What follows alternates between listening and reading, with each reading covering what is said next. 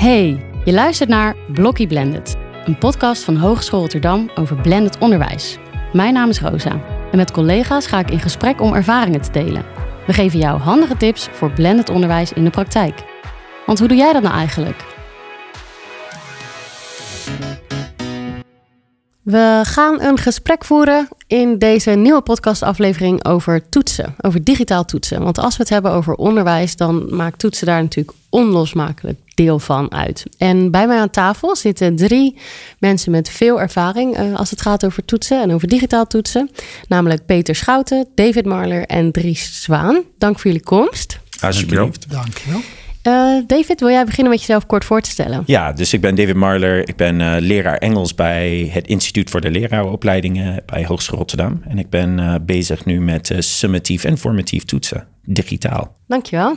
Mijn naam is Peter Schouten. Ik werk als onderwijsadviseur bij de afdeling ONK, Onderwijs en Kwaliteit. En ik hou me veel bezig met toetsing. Mijn naam is Dries Zwaan. Ik zit net zoals David bij de leraaropleiding, alleen dan voor biologie. En ik ben gewoon docent biologie, en, maar daarnaast ook hou ik me bezig met toetsing. En kun je iets vertellen over uh, waarom je daar uh, zoveel tijd in steekt of waarom je er zoveel mee bezig bent? Ja, toetsen is een belangrijk punt, onderdeel van het uh, leerproces. En dan hebben we de, aan de ene kant de summatieve kant waar de cijfers uitkomen en de formatieve kant waar we oefenen en kijken waar we staan. En ja, het is gewoon een heel belangrijk onderdeel ook voor het hele proces. Herken je dat, David? Is ja, dat ook jouw motief? herken ik helemaal. Ja, ja nou, wij, je bedoelt met digitaal toetsen natuurlijk. Ja, ja? beide. Ja, ja, ja. ja. Nee, ik, uh, ik hou me voornamelijk mee bezig uh, met, uh, met digitaal toetsen, omdat ik eigenlijk die extra informatie wil. Dus net als voorheen, toen je alles op papier deed, als je overstapt naar een programma, dan kan je meer kennis over je studenten, wat ze wel en niet kunnen, maar ook eigenlijk over jezelf. Dus is er sprake van, een, een, zijn de lessen goed? Leiden ze echt tot, uh, tot de doelen die jij eigenlijk wil toetsen? Maar ja, ook, en voor jezelf bedoel je voor jezelf als docent, heb ik mijn, heb ik, uh, mijn onderwijs goed vormgegeven? Ja, ja. Ja, Precies. en dus in dat digitaal toetsen zie je een kans voor dat aspect. Ja, ja, zeker. Je krijgt heel veel informatie, niet alleen over je studenten, maar over jezelf, maar ook over je vragen. Stel je valide vragen bijvoorbeeld. Uh, en met extra data heb je de mogelijkheid om, om eigenlijk je, je, je eigen lessen, je eigen toetsen uh, te beoordelen. Ja, en kun jij nog wat vertellen, Peter, over uh, wat jij allemaal doet rondom toetsing op Hogeschool Rotterdam? Um, van alles. Dat, dat gaat in, in veel uh, werk ik met het uh, toetsprogramma ANS. Veel collega's die zijn er nou mee aan de slag gegaan. We hebben een grote implementatie op dit moment. Volgend jaar dan moet dat systeem een heleboel nou andere bestaande systemen vervangen. Dus dat is nu een groot project. En nou ja, samen met David hebben we een project waar we bij de leraaropleiding Engels een aantal toetsen ook gaan digitaliseren. Dries is daar ook mee bezig. En nou ik probeer een beetje mee te helpen, mee te denken met collega's. Um, ik denk dat digitaal toetsen best wel een, een, een groot voordeel voor docenten kan hebben.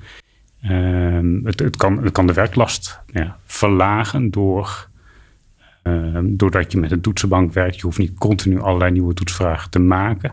Als je op een gegeven moment een flinke set aan toetsvragen hebt, kun je daar ook uit putten. En dat scheelt gewoon een heleboel werk als docent. Dus, ja, dus daar noem je eigenlijk, uh, ja, zo, zo noemen we met elkaar eigenlijk al best wel wat argumenten om ermee bezig te willen zijn. Mm-hmm. Zijn er nog meer argumenten om digitaal te willen toetsen? Wat natuurlijk wel heel erg gebeurt bij digitaal toetsen, is dat er een verschuiving plaatsvindt van het werk van een docent, van de voorkant of van de achterkant naar de voorkant. Waar je voorheen toetsen maakte en daarna werd het gemaakt en dan zat je vervolgens twee dagen na te kijken. Krijg je nu aan de voorkant meer werk en aan de achterkant krijg je minder werk, want er wordt een deel automatisch nagekeken als je het uh, in het systeem hebt.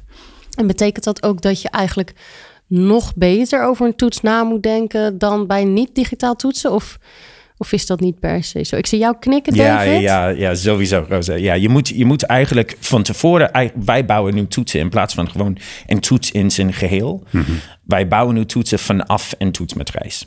Dus van tevoren bedenken we welke domeinen. Dus uh, in mijn geval, het gaat over Amerikaanse geschiedenis. Mm-hmm. Ja, hoe doe je dat? Dan denk je over de, de weken. Hoeveel weken heb ik besteed aan geschiedenis? En, en welke thema's zijn dat? Dan, dan ga je verder met leerdoelen. Dus dan ga je gewoon in die domeinen. Dus laten we zeggen 200 jaar geschiedenis. Dan ga je gewoon twee domeinen, of sorry, twee leerdoelen of drie leerdoelen, van makkelijk naar moeilijke vragen. En dus je kunt ook zeggen van ja, nou, de, de, we gaan één niveau en dat is dan zeg maar wat makkelijkere kennis of verplichte kennis. En uh, we gaan zeggen van een student die alle die vragen beantwoordt, die krijgt eigenlijk een 6. Dan hebben we twee andere niveaus en dat is wat moeilijker of de moeilijkste vragen. En dat is eigenlijk het verschil tussen een 6 en een 10. En dan kan je eigenlijk werken vanaf een matrijs naar een, naar een valide toets. Dus je zegt van ja, nou, als een student 30 van de 50 vragen goed heeft, dan heeft die student eigenlijk basiskennis. En dat is voor ons voldoende. Dat, dan voldoen we eigenlijk aan de kennisbasis. Dan voldoen we aan de doelen van, van de cursus. En dat, dat uh, nagaan of iemand voldoet aan, aan die basiskennis, vind je dat dan dus ook makkelijker om dat digitaal te toetsen dan op papier? Sowieso. Want wij krijgen daarna, het is makkelijker voor de student. Dus wij gebruiken dus ook ANS. Mm -hmm. Wij hebben een paar maanden geleden een tentamen gehad. Um, en in dat tentamen uh, kunnen de studenten zien van ten eerste hoeveel per domein, wat heb ik gescoord? Dus heb ik 100% van de vragen goed, heb ik 50%, et cetera. Dus wat moet ik leren? Dus de student heeft nu inzicht in, in zijn of haar eigen kennis dan kunnen ze ook zien hoe, ze, hoe hun medestudenten hebben, het hebben gedaan. Dus ze kunnen zien van ja, ik scoorde 50%, maar mijn medestudenten hebben 70%. Maar daarna als leraar kunnen wij ook zien van hé, hey, er is een probleem. Wij hebben 150 studenten die een tentamen maken bij Engels, maar ja, dat uh, geschiedenis van de burgeroorlog, ja, dat, deden ze gewoon niet goed. Dus dan, wij moeten dan terugkijken van wat hebben wij gedaan, hoe kunnen wij dat verbeteren. -hmm. Ja. Dat is hartstikke mooi, David. Eigenlijk uh, vertel je heel duidelijk wat, wat het grote voordeel is van digitaal toetsen. Als je het op papier zou doen, dan zou je een hele rit vragen en uh, antwoorden hebben. Je zou je een Excelletje gaan plaatsen en vervolgens allemaal kijken van... oh, dit onderwerp dat wordt wel goed uh, gescoord, dat niet. Nu heb je het in één keer gewoon digitaal in een systeem... zonder dat je er extra werk voor hoeft uit te voeren. Dus dat is een heel groot voordeel inderdaad. Dus zo wordt die relatie tussen toetsvragen en leerdoelen... die wordt heel één op één ja, zichtbaar ja, eigenlijk. Zeker. Ja, en wat misschien ook wel goed is om te benoemen, bij papieren toets verwacht je ook dat je een toetsmatrijs gebruikt natuurlijk. Maar goed, ja. ja. Nou ja, je wordt minder gedwongen. Ik zie mijn collega's al een beetje lachen. Je wordt minder gedwongen om het te doen. Want je kunt gewoon denken, oh, dit zijn mooie vragen. Als je digitaal vanuit een toetsenbank werkt, dan heb je gewoon echt gesorteerd op de, nou ja, de leerdoelen in je, in, je, in je toetsmatrijs. Heb je de toetsvragen staan. En op die manier kun je dus ook gewoon selecteren van, oh, dit, uh, deze toetsvraag die past bij dit leerdoel. En ga ik die zo in de toets zetten. Dus, dus je wordt nou ja, gedwongen om die toetsmatrijs ook echt toe te passen. Ja, precies. Dus vandaar dat jij niet gelijk zei dat is beter mogelijk. Maar hè, want op papier zou dat ook zo moeten zijn. Alleen nu word je er, als je, als je met zo'n digitaal toetsysteem werkt, meer toe gedwongen eigenlijk. Precies, je bent je er bewust van. Ja. En als uh, docent word je ook gedwongen om naar kwaliteit te kijken. Ja. Want je krijgt dus uh, de taxonomie, wat uh, David net zei, de, de, de, indeling in niveau van de vragen, mm -hmm. die krijg je terug. Uh, je kan daardoor ook een betere bepaling doen van hoe zit de toets in elkaar. Mm -hmm. Je kan vragen hergebruiken. Maar wat als docent ook heel praktisch is, is dat je gewezen wordt achteraf op de kwaliteit van een vraag. En wij willen altijd een toets maken die discrimineert. Dat wil zeggen dat we de goede studenten uh, ook goede resultaten willen laten ha halen. En de wat minder goede studenten, ja, die moeten het in principe niet halen. Mm -hmm. En als alles op één grote hoop is en de kwaliteit van de vragen matig is, betekent dus dat iedereen het haalt. Of niemand haalt het, dat is nog minder. En waar maak je dat dan uit op? Hoe kun je constateren of een toets kwaliteit had? Nou, dat is het leuke van zo'n systeem. Er zitten een heleboel analyse tools achter die kijken en hoe meer studenten vragen hebben gemaakt, hoe beter de kwaliteit van die analyse wordt. Ja, en dan is een automatisering is gewoon heel erg praktisch, want dat is direct beschikbaar. En dat is wat, wat Dave net zei, niet alleen beschikbaar voor ons als docent. Het is beschikbaar voor de student, maar soms moeten we ook verkopen aan onze baas. En onze baas is heel erg geïnteresseerd naar kwaliteit. En uh, dus als er ooit een verkooptool is richting managers, dan is het wel analyses. Maar uh, hoe moet ik me dat voorstellen? Ik, ik heb nog nooit in de ANS-omgeving mm -hmm. uh, gewerkt. Ik weet alleen dat er mee gewerkt wordt. Mm -hmm. um, krijg je dat terug als ja. score gewoon? Ja, je zelf dus er worden analyses gedaan, ja? ja? ja, ja, Je krijgt gewoon met kleurtjes een... Uh, nou, het is echt monkey-proof, laten we het zo maar noemen. Je krijgt een kleurtje van de, dit is een goede toetsvraag of dat is een mindere toetsvraag. En er wordt aangegeven, nou, de moeilijkheid is goed. ehm, het discrimineert voldoende. Dus de goede studenten maken deze vraag goed. En de minder goed scorende studenten scoren minder op deze toetsvraag. Dat is eigenlijk wat je wil hebben. Dus dat, goed, is dat er relatie is tussen ja, eh, de, de goede studenten die scoren beter op een toetsvraag dan, dan de minder goede studenten. Als je een toetsvraag hebt waar eh, de, de mindere studenten heel goed op scoren, nou ja, dan weet je eigenlijk, hier zit iets fout. Ja, ja. Dus dan kun je kijken als docent van, oh, zit er een fout in de toetsvraag? Of, of heb ik een fout in het antwoordmodel gemaakt? Wat dan ook, dat kan van alles zijn. Ja, en, en dan mag je daarna, wat ook heel mooi is, is je, je kunt daarna ook kiezen om, nou ja, ik ga bijvoorbeeld een, een vraag wat heel moeilijk was. Ja. Kan je ook kiezen van ik ga het een bonuspunt maken. Dus wij hadden één, één zo'n vraag. Dan, dan gaat het echt over, eh, wat denk ik, 130 studenten die het tentamen maken. Maar ja, dan zie ik dat alleen maar vijf studenten die vraag goed hebben. Ja, is dat dan eerlijk? Want als het gaat om een, eh, dan, dan zegt het systeem, ja, wat, wat ga je hiermee doen? Dus we kunnen het schrappen, dan corrigeert het. Wij kunnen zeggen, het is een bonuspunt. Uh, of wij kunnen zeggen, nee, het is, het is belangrijke kennis en de groep kent het niet. Maar dat hadden ze moeten kennen. Dus we gaan het uh, alsnog laten doorgaan. En dan, dan krijg je een veel preciezer idee over de vraag. En dan moet je eigenlijk teruggaan en zeggen van... hé, hey, ja, die vraag, is, uh, die vraag moeten we herdenken. Want Is dat, is dat ook iets wat je dan dus doet? Dus de toets is gemaakt. Ga je dan ook samen met een collega daar, eens, daar nog eens naar kijken? Sowieso, want er is eh, bij ons... en ik denk meestal bij de, de meeste hogescholen en universiteiten... houden, houden wij aan een, wat heet een vier-ogen principe. Dus alles wat je doet, je moet doen met iemand anders. En, en één leraar en toets maken is niet echt uh, uh, is niet verantwoordelijk. Mm-hmm. Dus dan kijk je daarna. Maar wat ook heel mooi is, is dat wij kunnen dan ook zien van collega's. Dit vind ik eigenlijk het grappigste. Is uh, je kunt dan ook een analyse krijgen van de mensen die het nakijken. Dus wij hebben dan vier collega's die het nakijken. En dan wij kregen gewoon bij één vraag dat een van mijn collega's iets, uh, iets meer punten heeft gegeven. En dan het zegt ook een soort van, nou deze student krijgt een 6. Deze andere student krijgt ook een 6. Uh, dus of zij hebben even zo goed gedaan bij bijvoorbeeld bij de meerkeuzevragen. Maar ineens krijgt deze groep studenten die worden nagekeken door leraar X vijf punten meer gemiddeld dan de, die door alle andere drie leraren worden nagekeken. En het geeft je ook informatie over hoe snel je nakijkt. Ik bedoel, dat is allemaal onzinnige informatie, want uh, het, het, is ook heel, het, het is heel incidenteel. Je weet niet of dat, dat de leraar eigenlijk makkelijker is. Misschien heeft die persoon, weet je, het gaat niet om zoveel mensen. Hmm. Heb je het nu ook over de open vragen in de toetssoftware? De open vragen, ja. ja. Dus het is, een, het is wel grappig. Je krijgt dan zoveel informatie dat je ook je, je, je ziet ook dat eigenlijk je collega's, dat wij kijken het allemaal samen. Maar dan daarna, wij willen ook elkaars werk uh, ook samen nakijken. Dus, uh, uh, zou je dus ook kunnen zeggen dat die toetssoftware ANS dwingt tot nog beter kalibreren? Zeker, ik denk het wel, ja. Of dwingt. Je hebt het natuurlijk altijd zelf bij. En je kunt ook het kalibreren achterwege laten. Maar een goede docent die zal, ja, die zal genegen zijn om dat vier ogen principe toe te passen. En ANS helpt daar zeker in. Het, ja. is, het is ook een mooie confrontatie voor kwaliteit. Want je wordt persoonlijk aangesproken door een systeem, niet door een collega, maar door een systeem aangesproken op de manier hoe jij nakijkt. En het is ook wel heel grappig om te zien van, oh, dat is een goede vraag. Oh, ja, en die is ook wel heel goed gemaakt. Ja, ja dat is ja. leuk. Dat, ja. dat, voelt goed. Maar andersom gebeurt ook wel eens dat je denkt van, nou, dat dacht ik dat een hele geweldige vraag was. en dan staat er gewoon keihard Precies. te makkelijk. En dat, klopt, en dat klopt dus ook. Ik bedoel, die, die software is dus al zo smart dat die, dat die feedback gewoon, uh, dat je het daarmee eens moet zijn eigenlijk. Zolang er genoeg studenten een toets hebben gemaakt. Ja.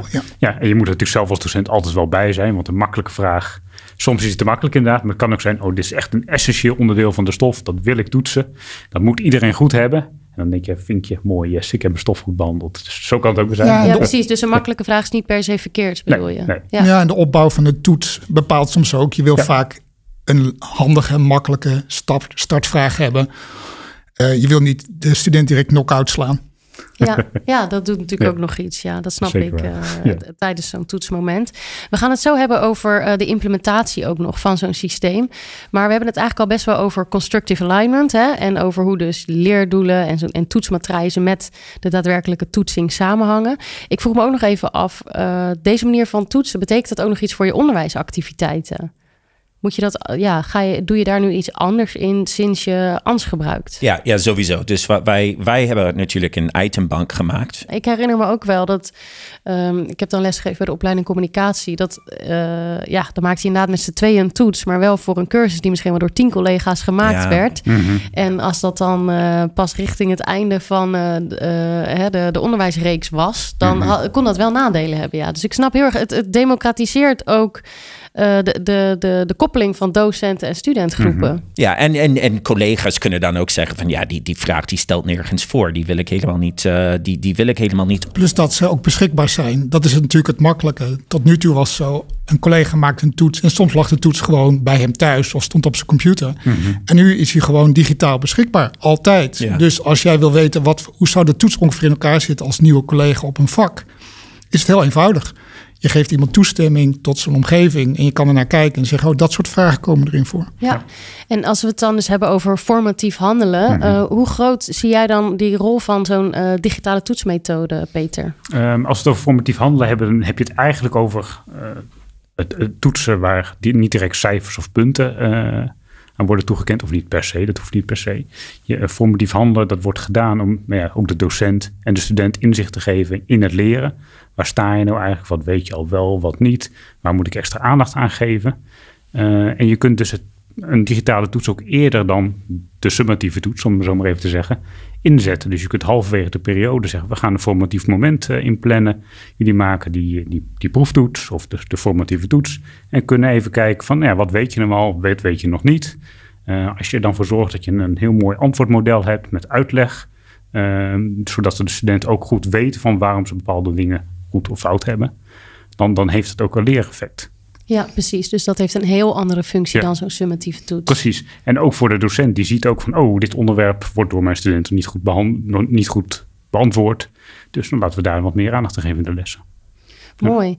Uh, het lijkt me goed om over te gaan uh, op dat vraagstuk van implementeren. Want mm -hmm. we zitten hier aan tafel met mensen die er enthousiast over zijn, die de kans ervan zien. Jullie zijn doordrongen van nou ja, gedachtegoed rondom het belang van toetsing.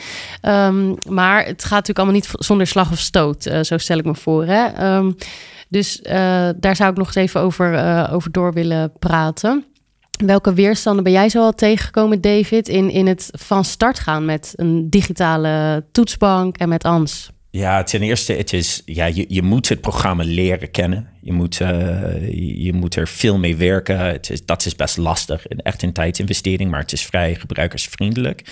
Um, daarna hebben wij het eigenlijk geïmplementeerd. En we kwamen erachter dat ja, het softwareprogramma, de programma die wij nodig hadden, dat, dat, dat die niet op de computer stond. Je, je wil natuurlijk een veilig browseromgeving hebben. Wij doen digitaal, dat willen we ook doen. Um, maar we kwamen achter dat het uh, Safe Exam Browser heet het, dat dat niet geïnstalleerd was op alle computers. Dus er waren studenten die, die waren klaar, die gaan het tentamen eerst, uh, of die gaan uh, formatieve, formatieve toets maken dan kunnen ze dat niet. Dan uh, gaan ze inloggen bij ANS. Dan krijgen ze te horen: je mag dit, uh, je mag, uh, dit tentamen niet, niet volgen zonder een Safe Exam browser. Download die. En natuurlijk bij de hogeschool mogen studenten eigen programma's niet downloaden. Mm-hmm. Dat moet gedaan worden door, um, door onze. Dus je hebt het nu over een computerlokaal waarop die software dus nog niet ja, was. ja, dus we kwamen erachter was. dat ontbreekt. Ja, oké, okay, prima. Dan, dan hebben we het wel.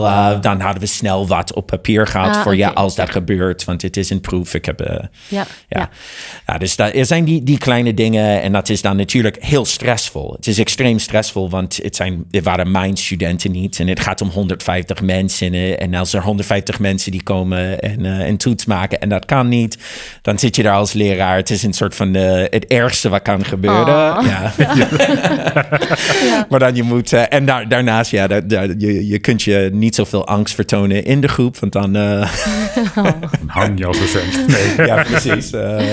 Dus ja. maar je had, je had de papieren toetsen al klaar liggen. Ja, dat, dat hebben Ja. we gedaan. Ja, je moet eigenlijk van tevoren uh, op, je op alles voorbereiden. Daarna, dus je leert Omdat wat. het, is ook een, een experimentele fase Zeker. eigenlijk nog was. Ja. ja, het, het, nog steeds. Dus ja. ja, maar dat is natuurlijk altijd zo. Dus, als je Dus jullie hebben toen van digital to paper gedaan, heet dat zo? Is dat dan de variant in feite? Ja, ja. en dan hebben we ook digital gedaan uiteindelijk. Want er waren sommige studenten die het wel konden maken. En dus dat was ook. Maar ja, dan, dan hadden wij dan een probleem van ja, sommige studenten zijn even een secondje weg uit je tentamen. We dachten, hoe kan dat nou? Dus dat moest ook onderzocht worden. Dus het was een, uh, dat zijn dingen. En eigenlijk kom je dan snel achter, ja, hoe, hoe kunnen we dit oplossen? We moeten dan naar de, naar de FIT, naar de IT-afdeling van, hey, kunnen jullie ons helpen? En, uh, maar het is uiteindelijk goed gelopen, omdat wij nu een tentamen hebben gedaan, zowel op papier en digitaal. En daarna kregen wij ook van de studenten te horen van ze vinden digitaal maken echt geweldig. Oh ja, want daar ben ik ook wel benieuwd naar, naar de studentenresultaten. Wij hadden bij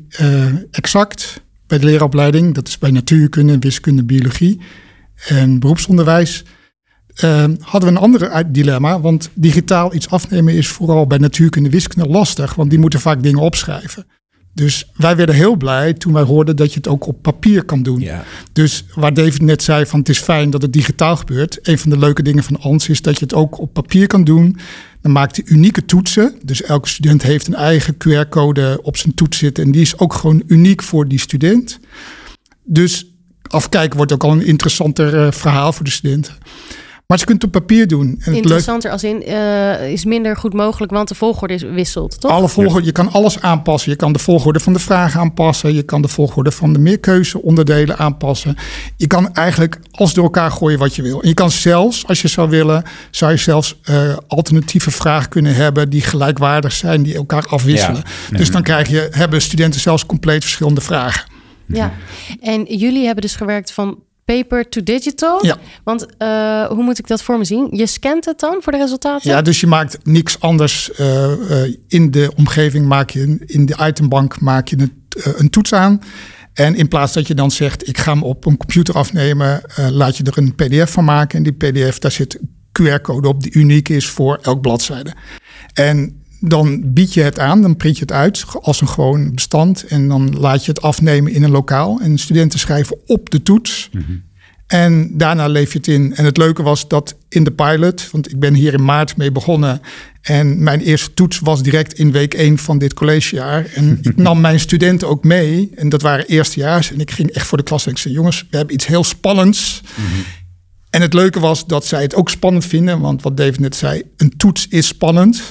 Maar omdat ik zei, ik vind het ook heel spannend. En ik, het gaat misschien ook wel mis. en daar leren wij heel veel van. En dat is heel positief.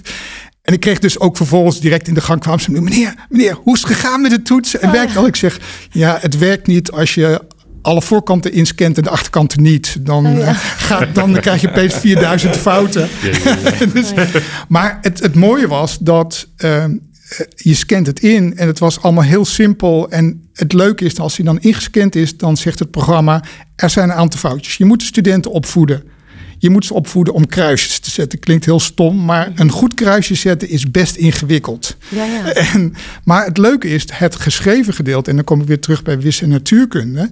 Mijn collega's waren niet overtuigd. Maar ze waren wel overtuigd toen ik zei: ze kunnen het gewoon op papier doen, wordt ingescand en dan kan je de collega de vragen toewijzen.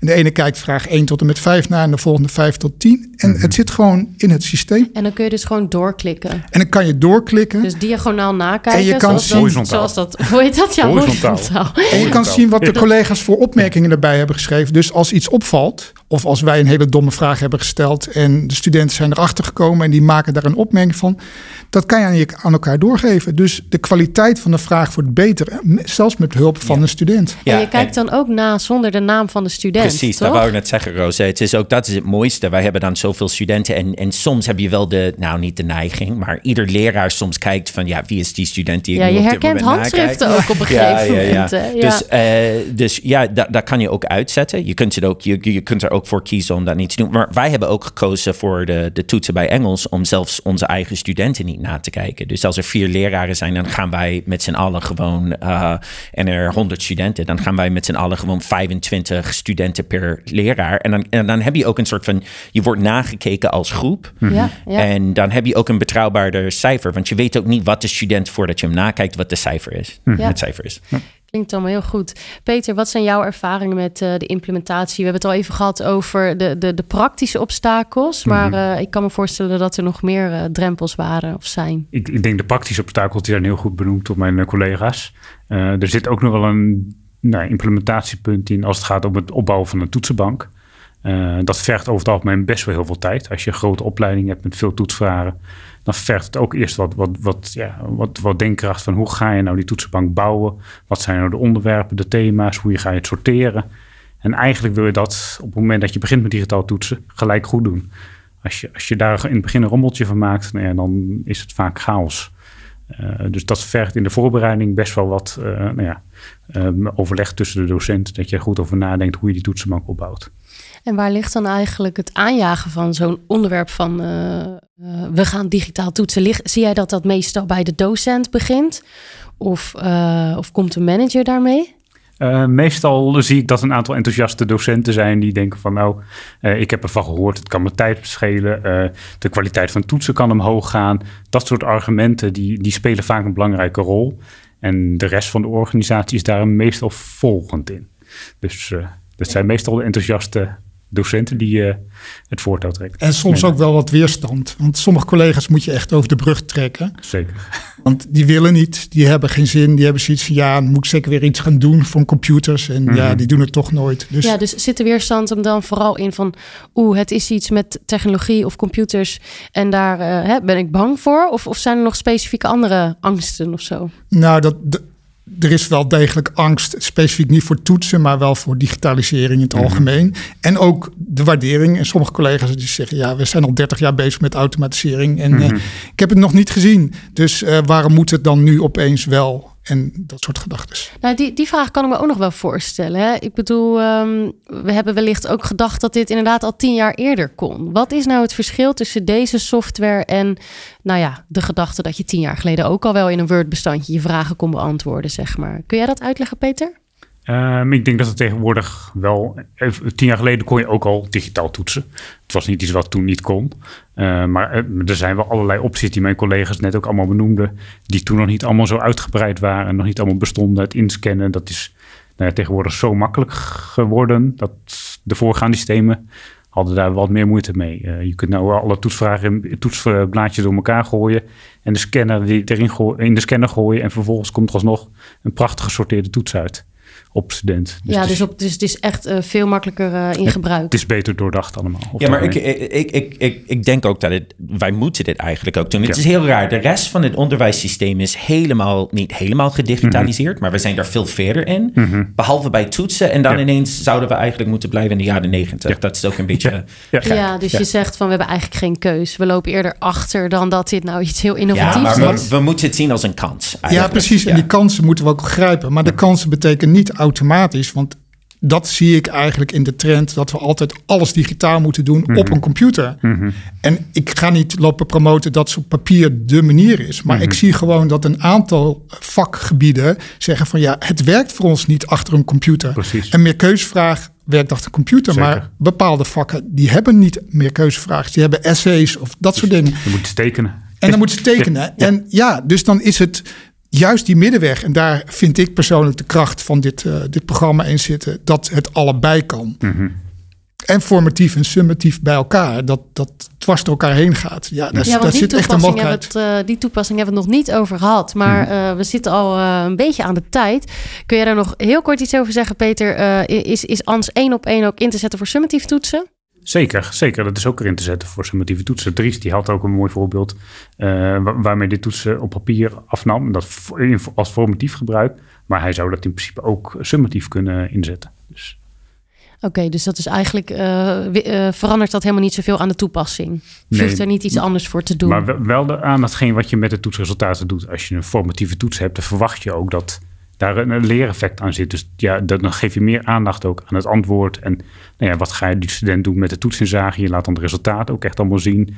En doet er ook wat mee. En vraagt de studenten ook uh, om wat met die toetsresultaten te doen. Ja, Want alleen een toets ik. afnemen en ze verder niks, niks ermee doen, dan gaat de formatieve functie met je verloren. Ik begrijp het. Nou, verder is het zo dus dat uh, de Hogeschool Rotterdam met deze software echt helemaal uh, in huis gehaald heeft. Zeker. Uh, is die al voor iedereen toegankelijk? Um, de bedoeling is dat we vanaf september uh, 2023 allemaal over zijn uh, naar ANS. En dat uh, ANS alle bestaande systemen vervangt. Alle digitale Collega's, systemen. alle collega's uh, of leraren en onderwijspersoneel van de hogeschool kan op dit moment het systeem in. Ja. En, uh, dus het is, uh, als je het, het is ans.app, ans.app. En daar kan je al uh, nu op dit moment terecht. Nou, dat zijn de belangrijke actuele updates. Mm Um, ik wil jullie heel erg bedanken voor alle toelichtingen over uh, hoe jullie digitaal toetsen inzetten, de drempels die daarbij uh, naar voren kwamen, maar vooral ook de meerwaarde die het heeft, zowel voor de student als voor de docent. Dank jullie wel. Alsjeblieft. Alsjeblieft. Wil je meer weten over dit onderwerp? Ga dan naar www.blockieblended.nl.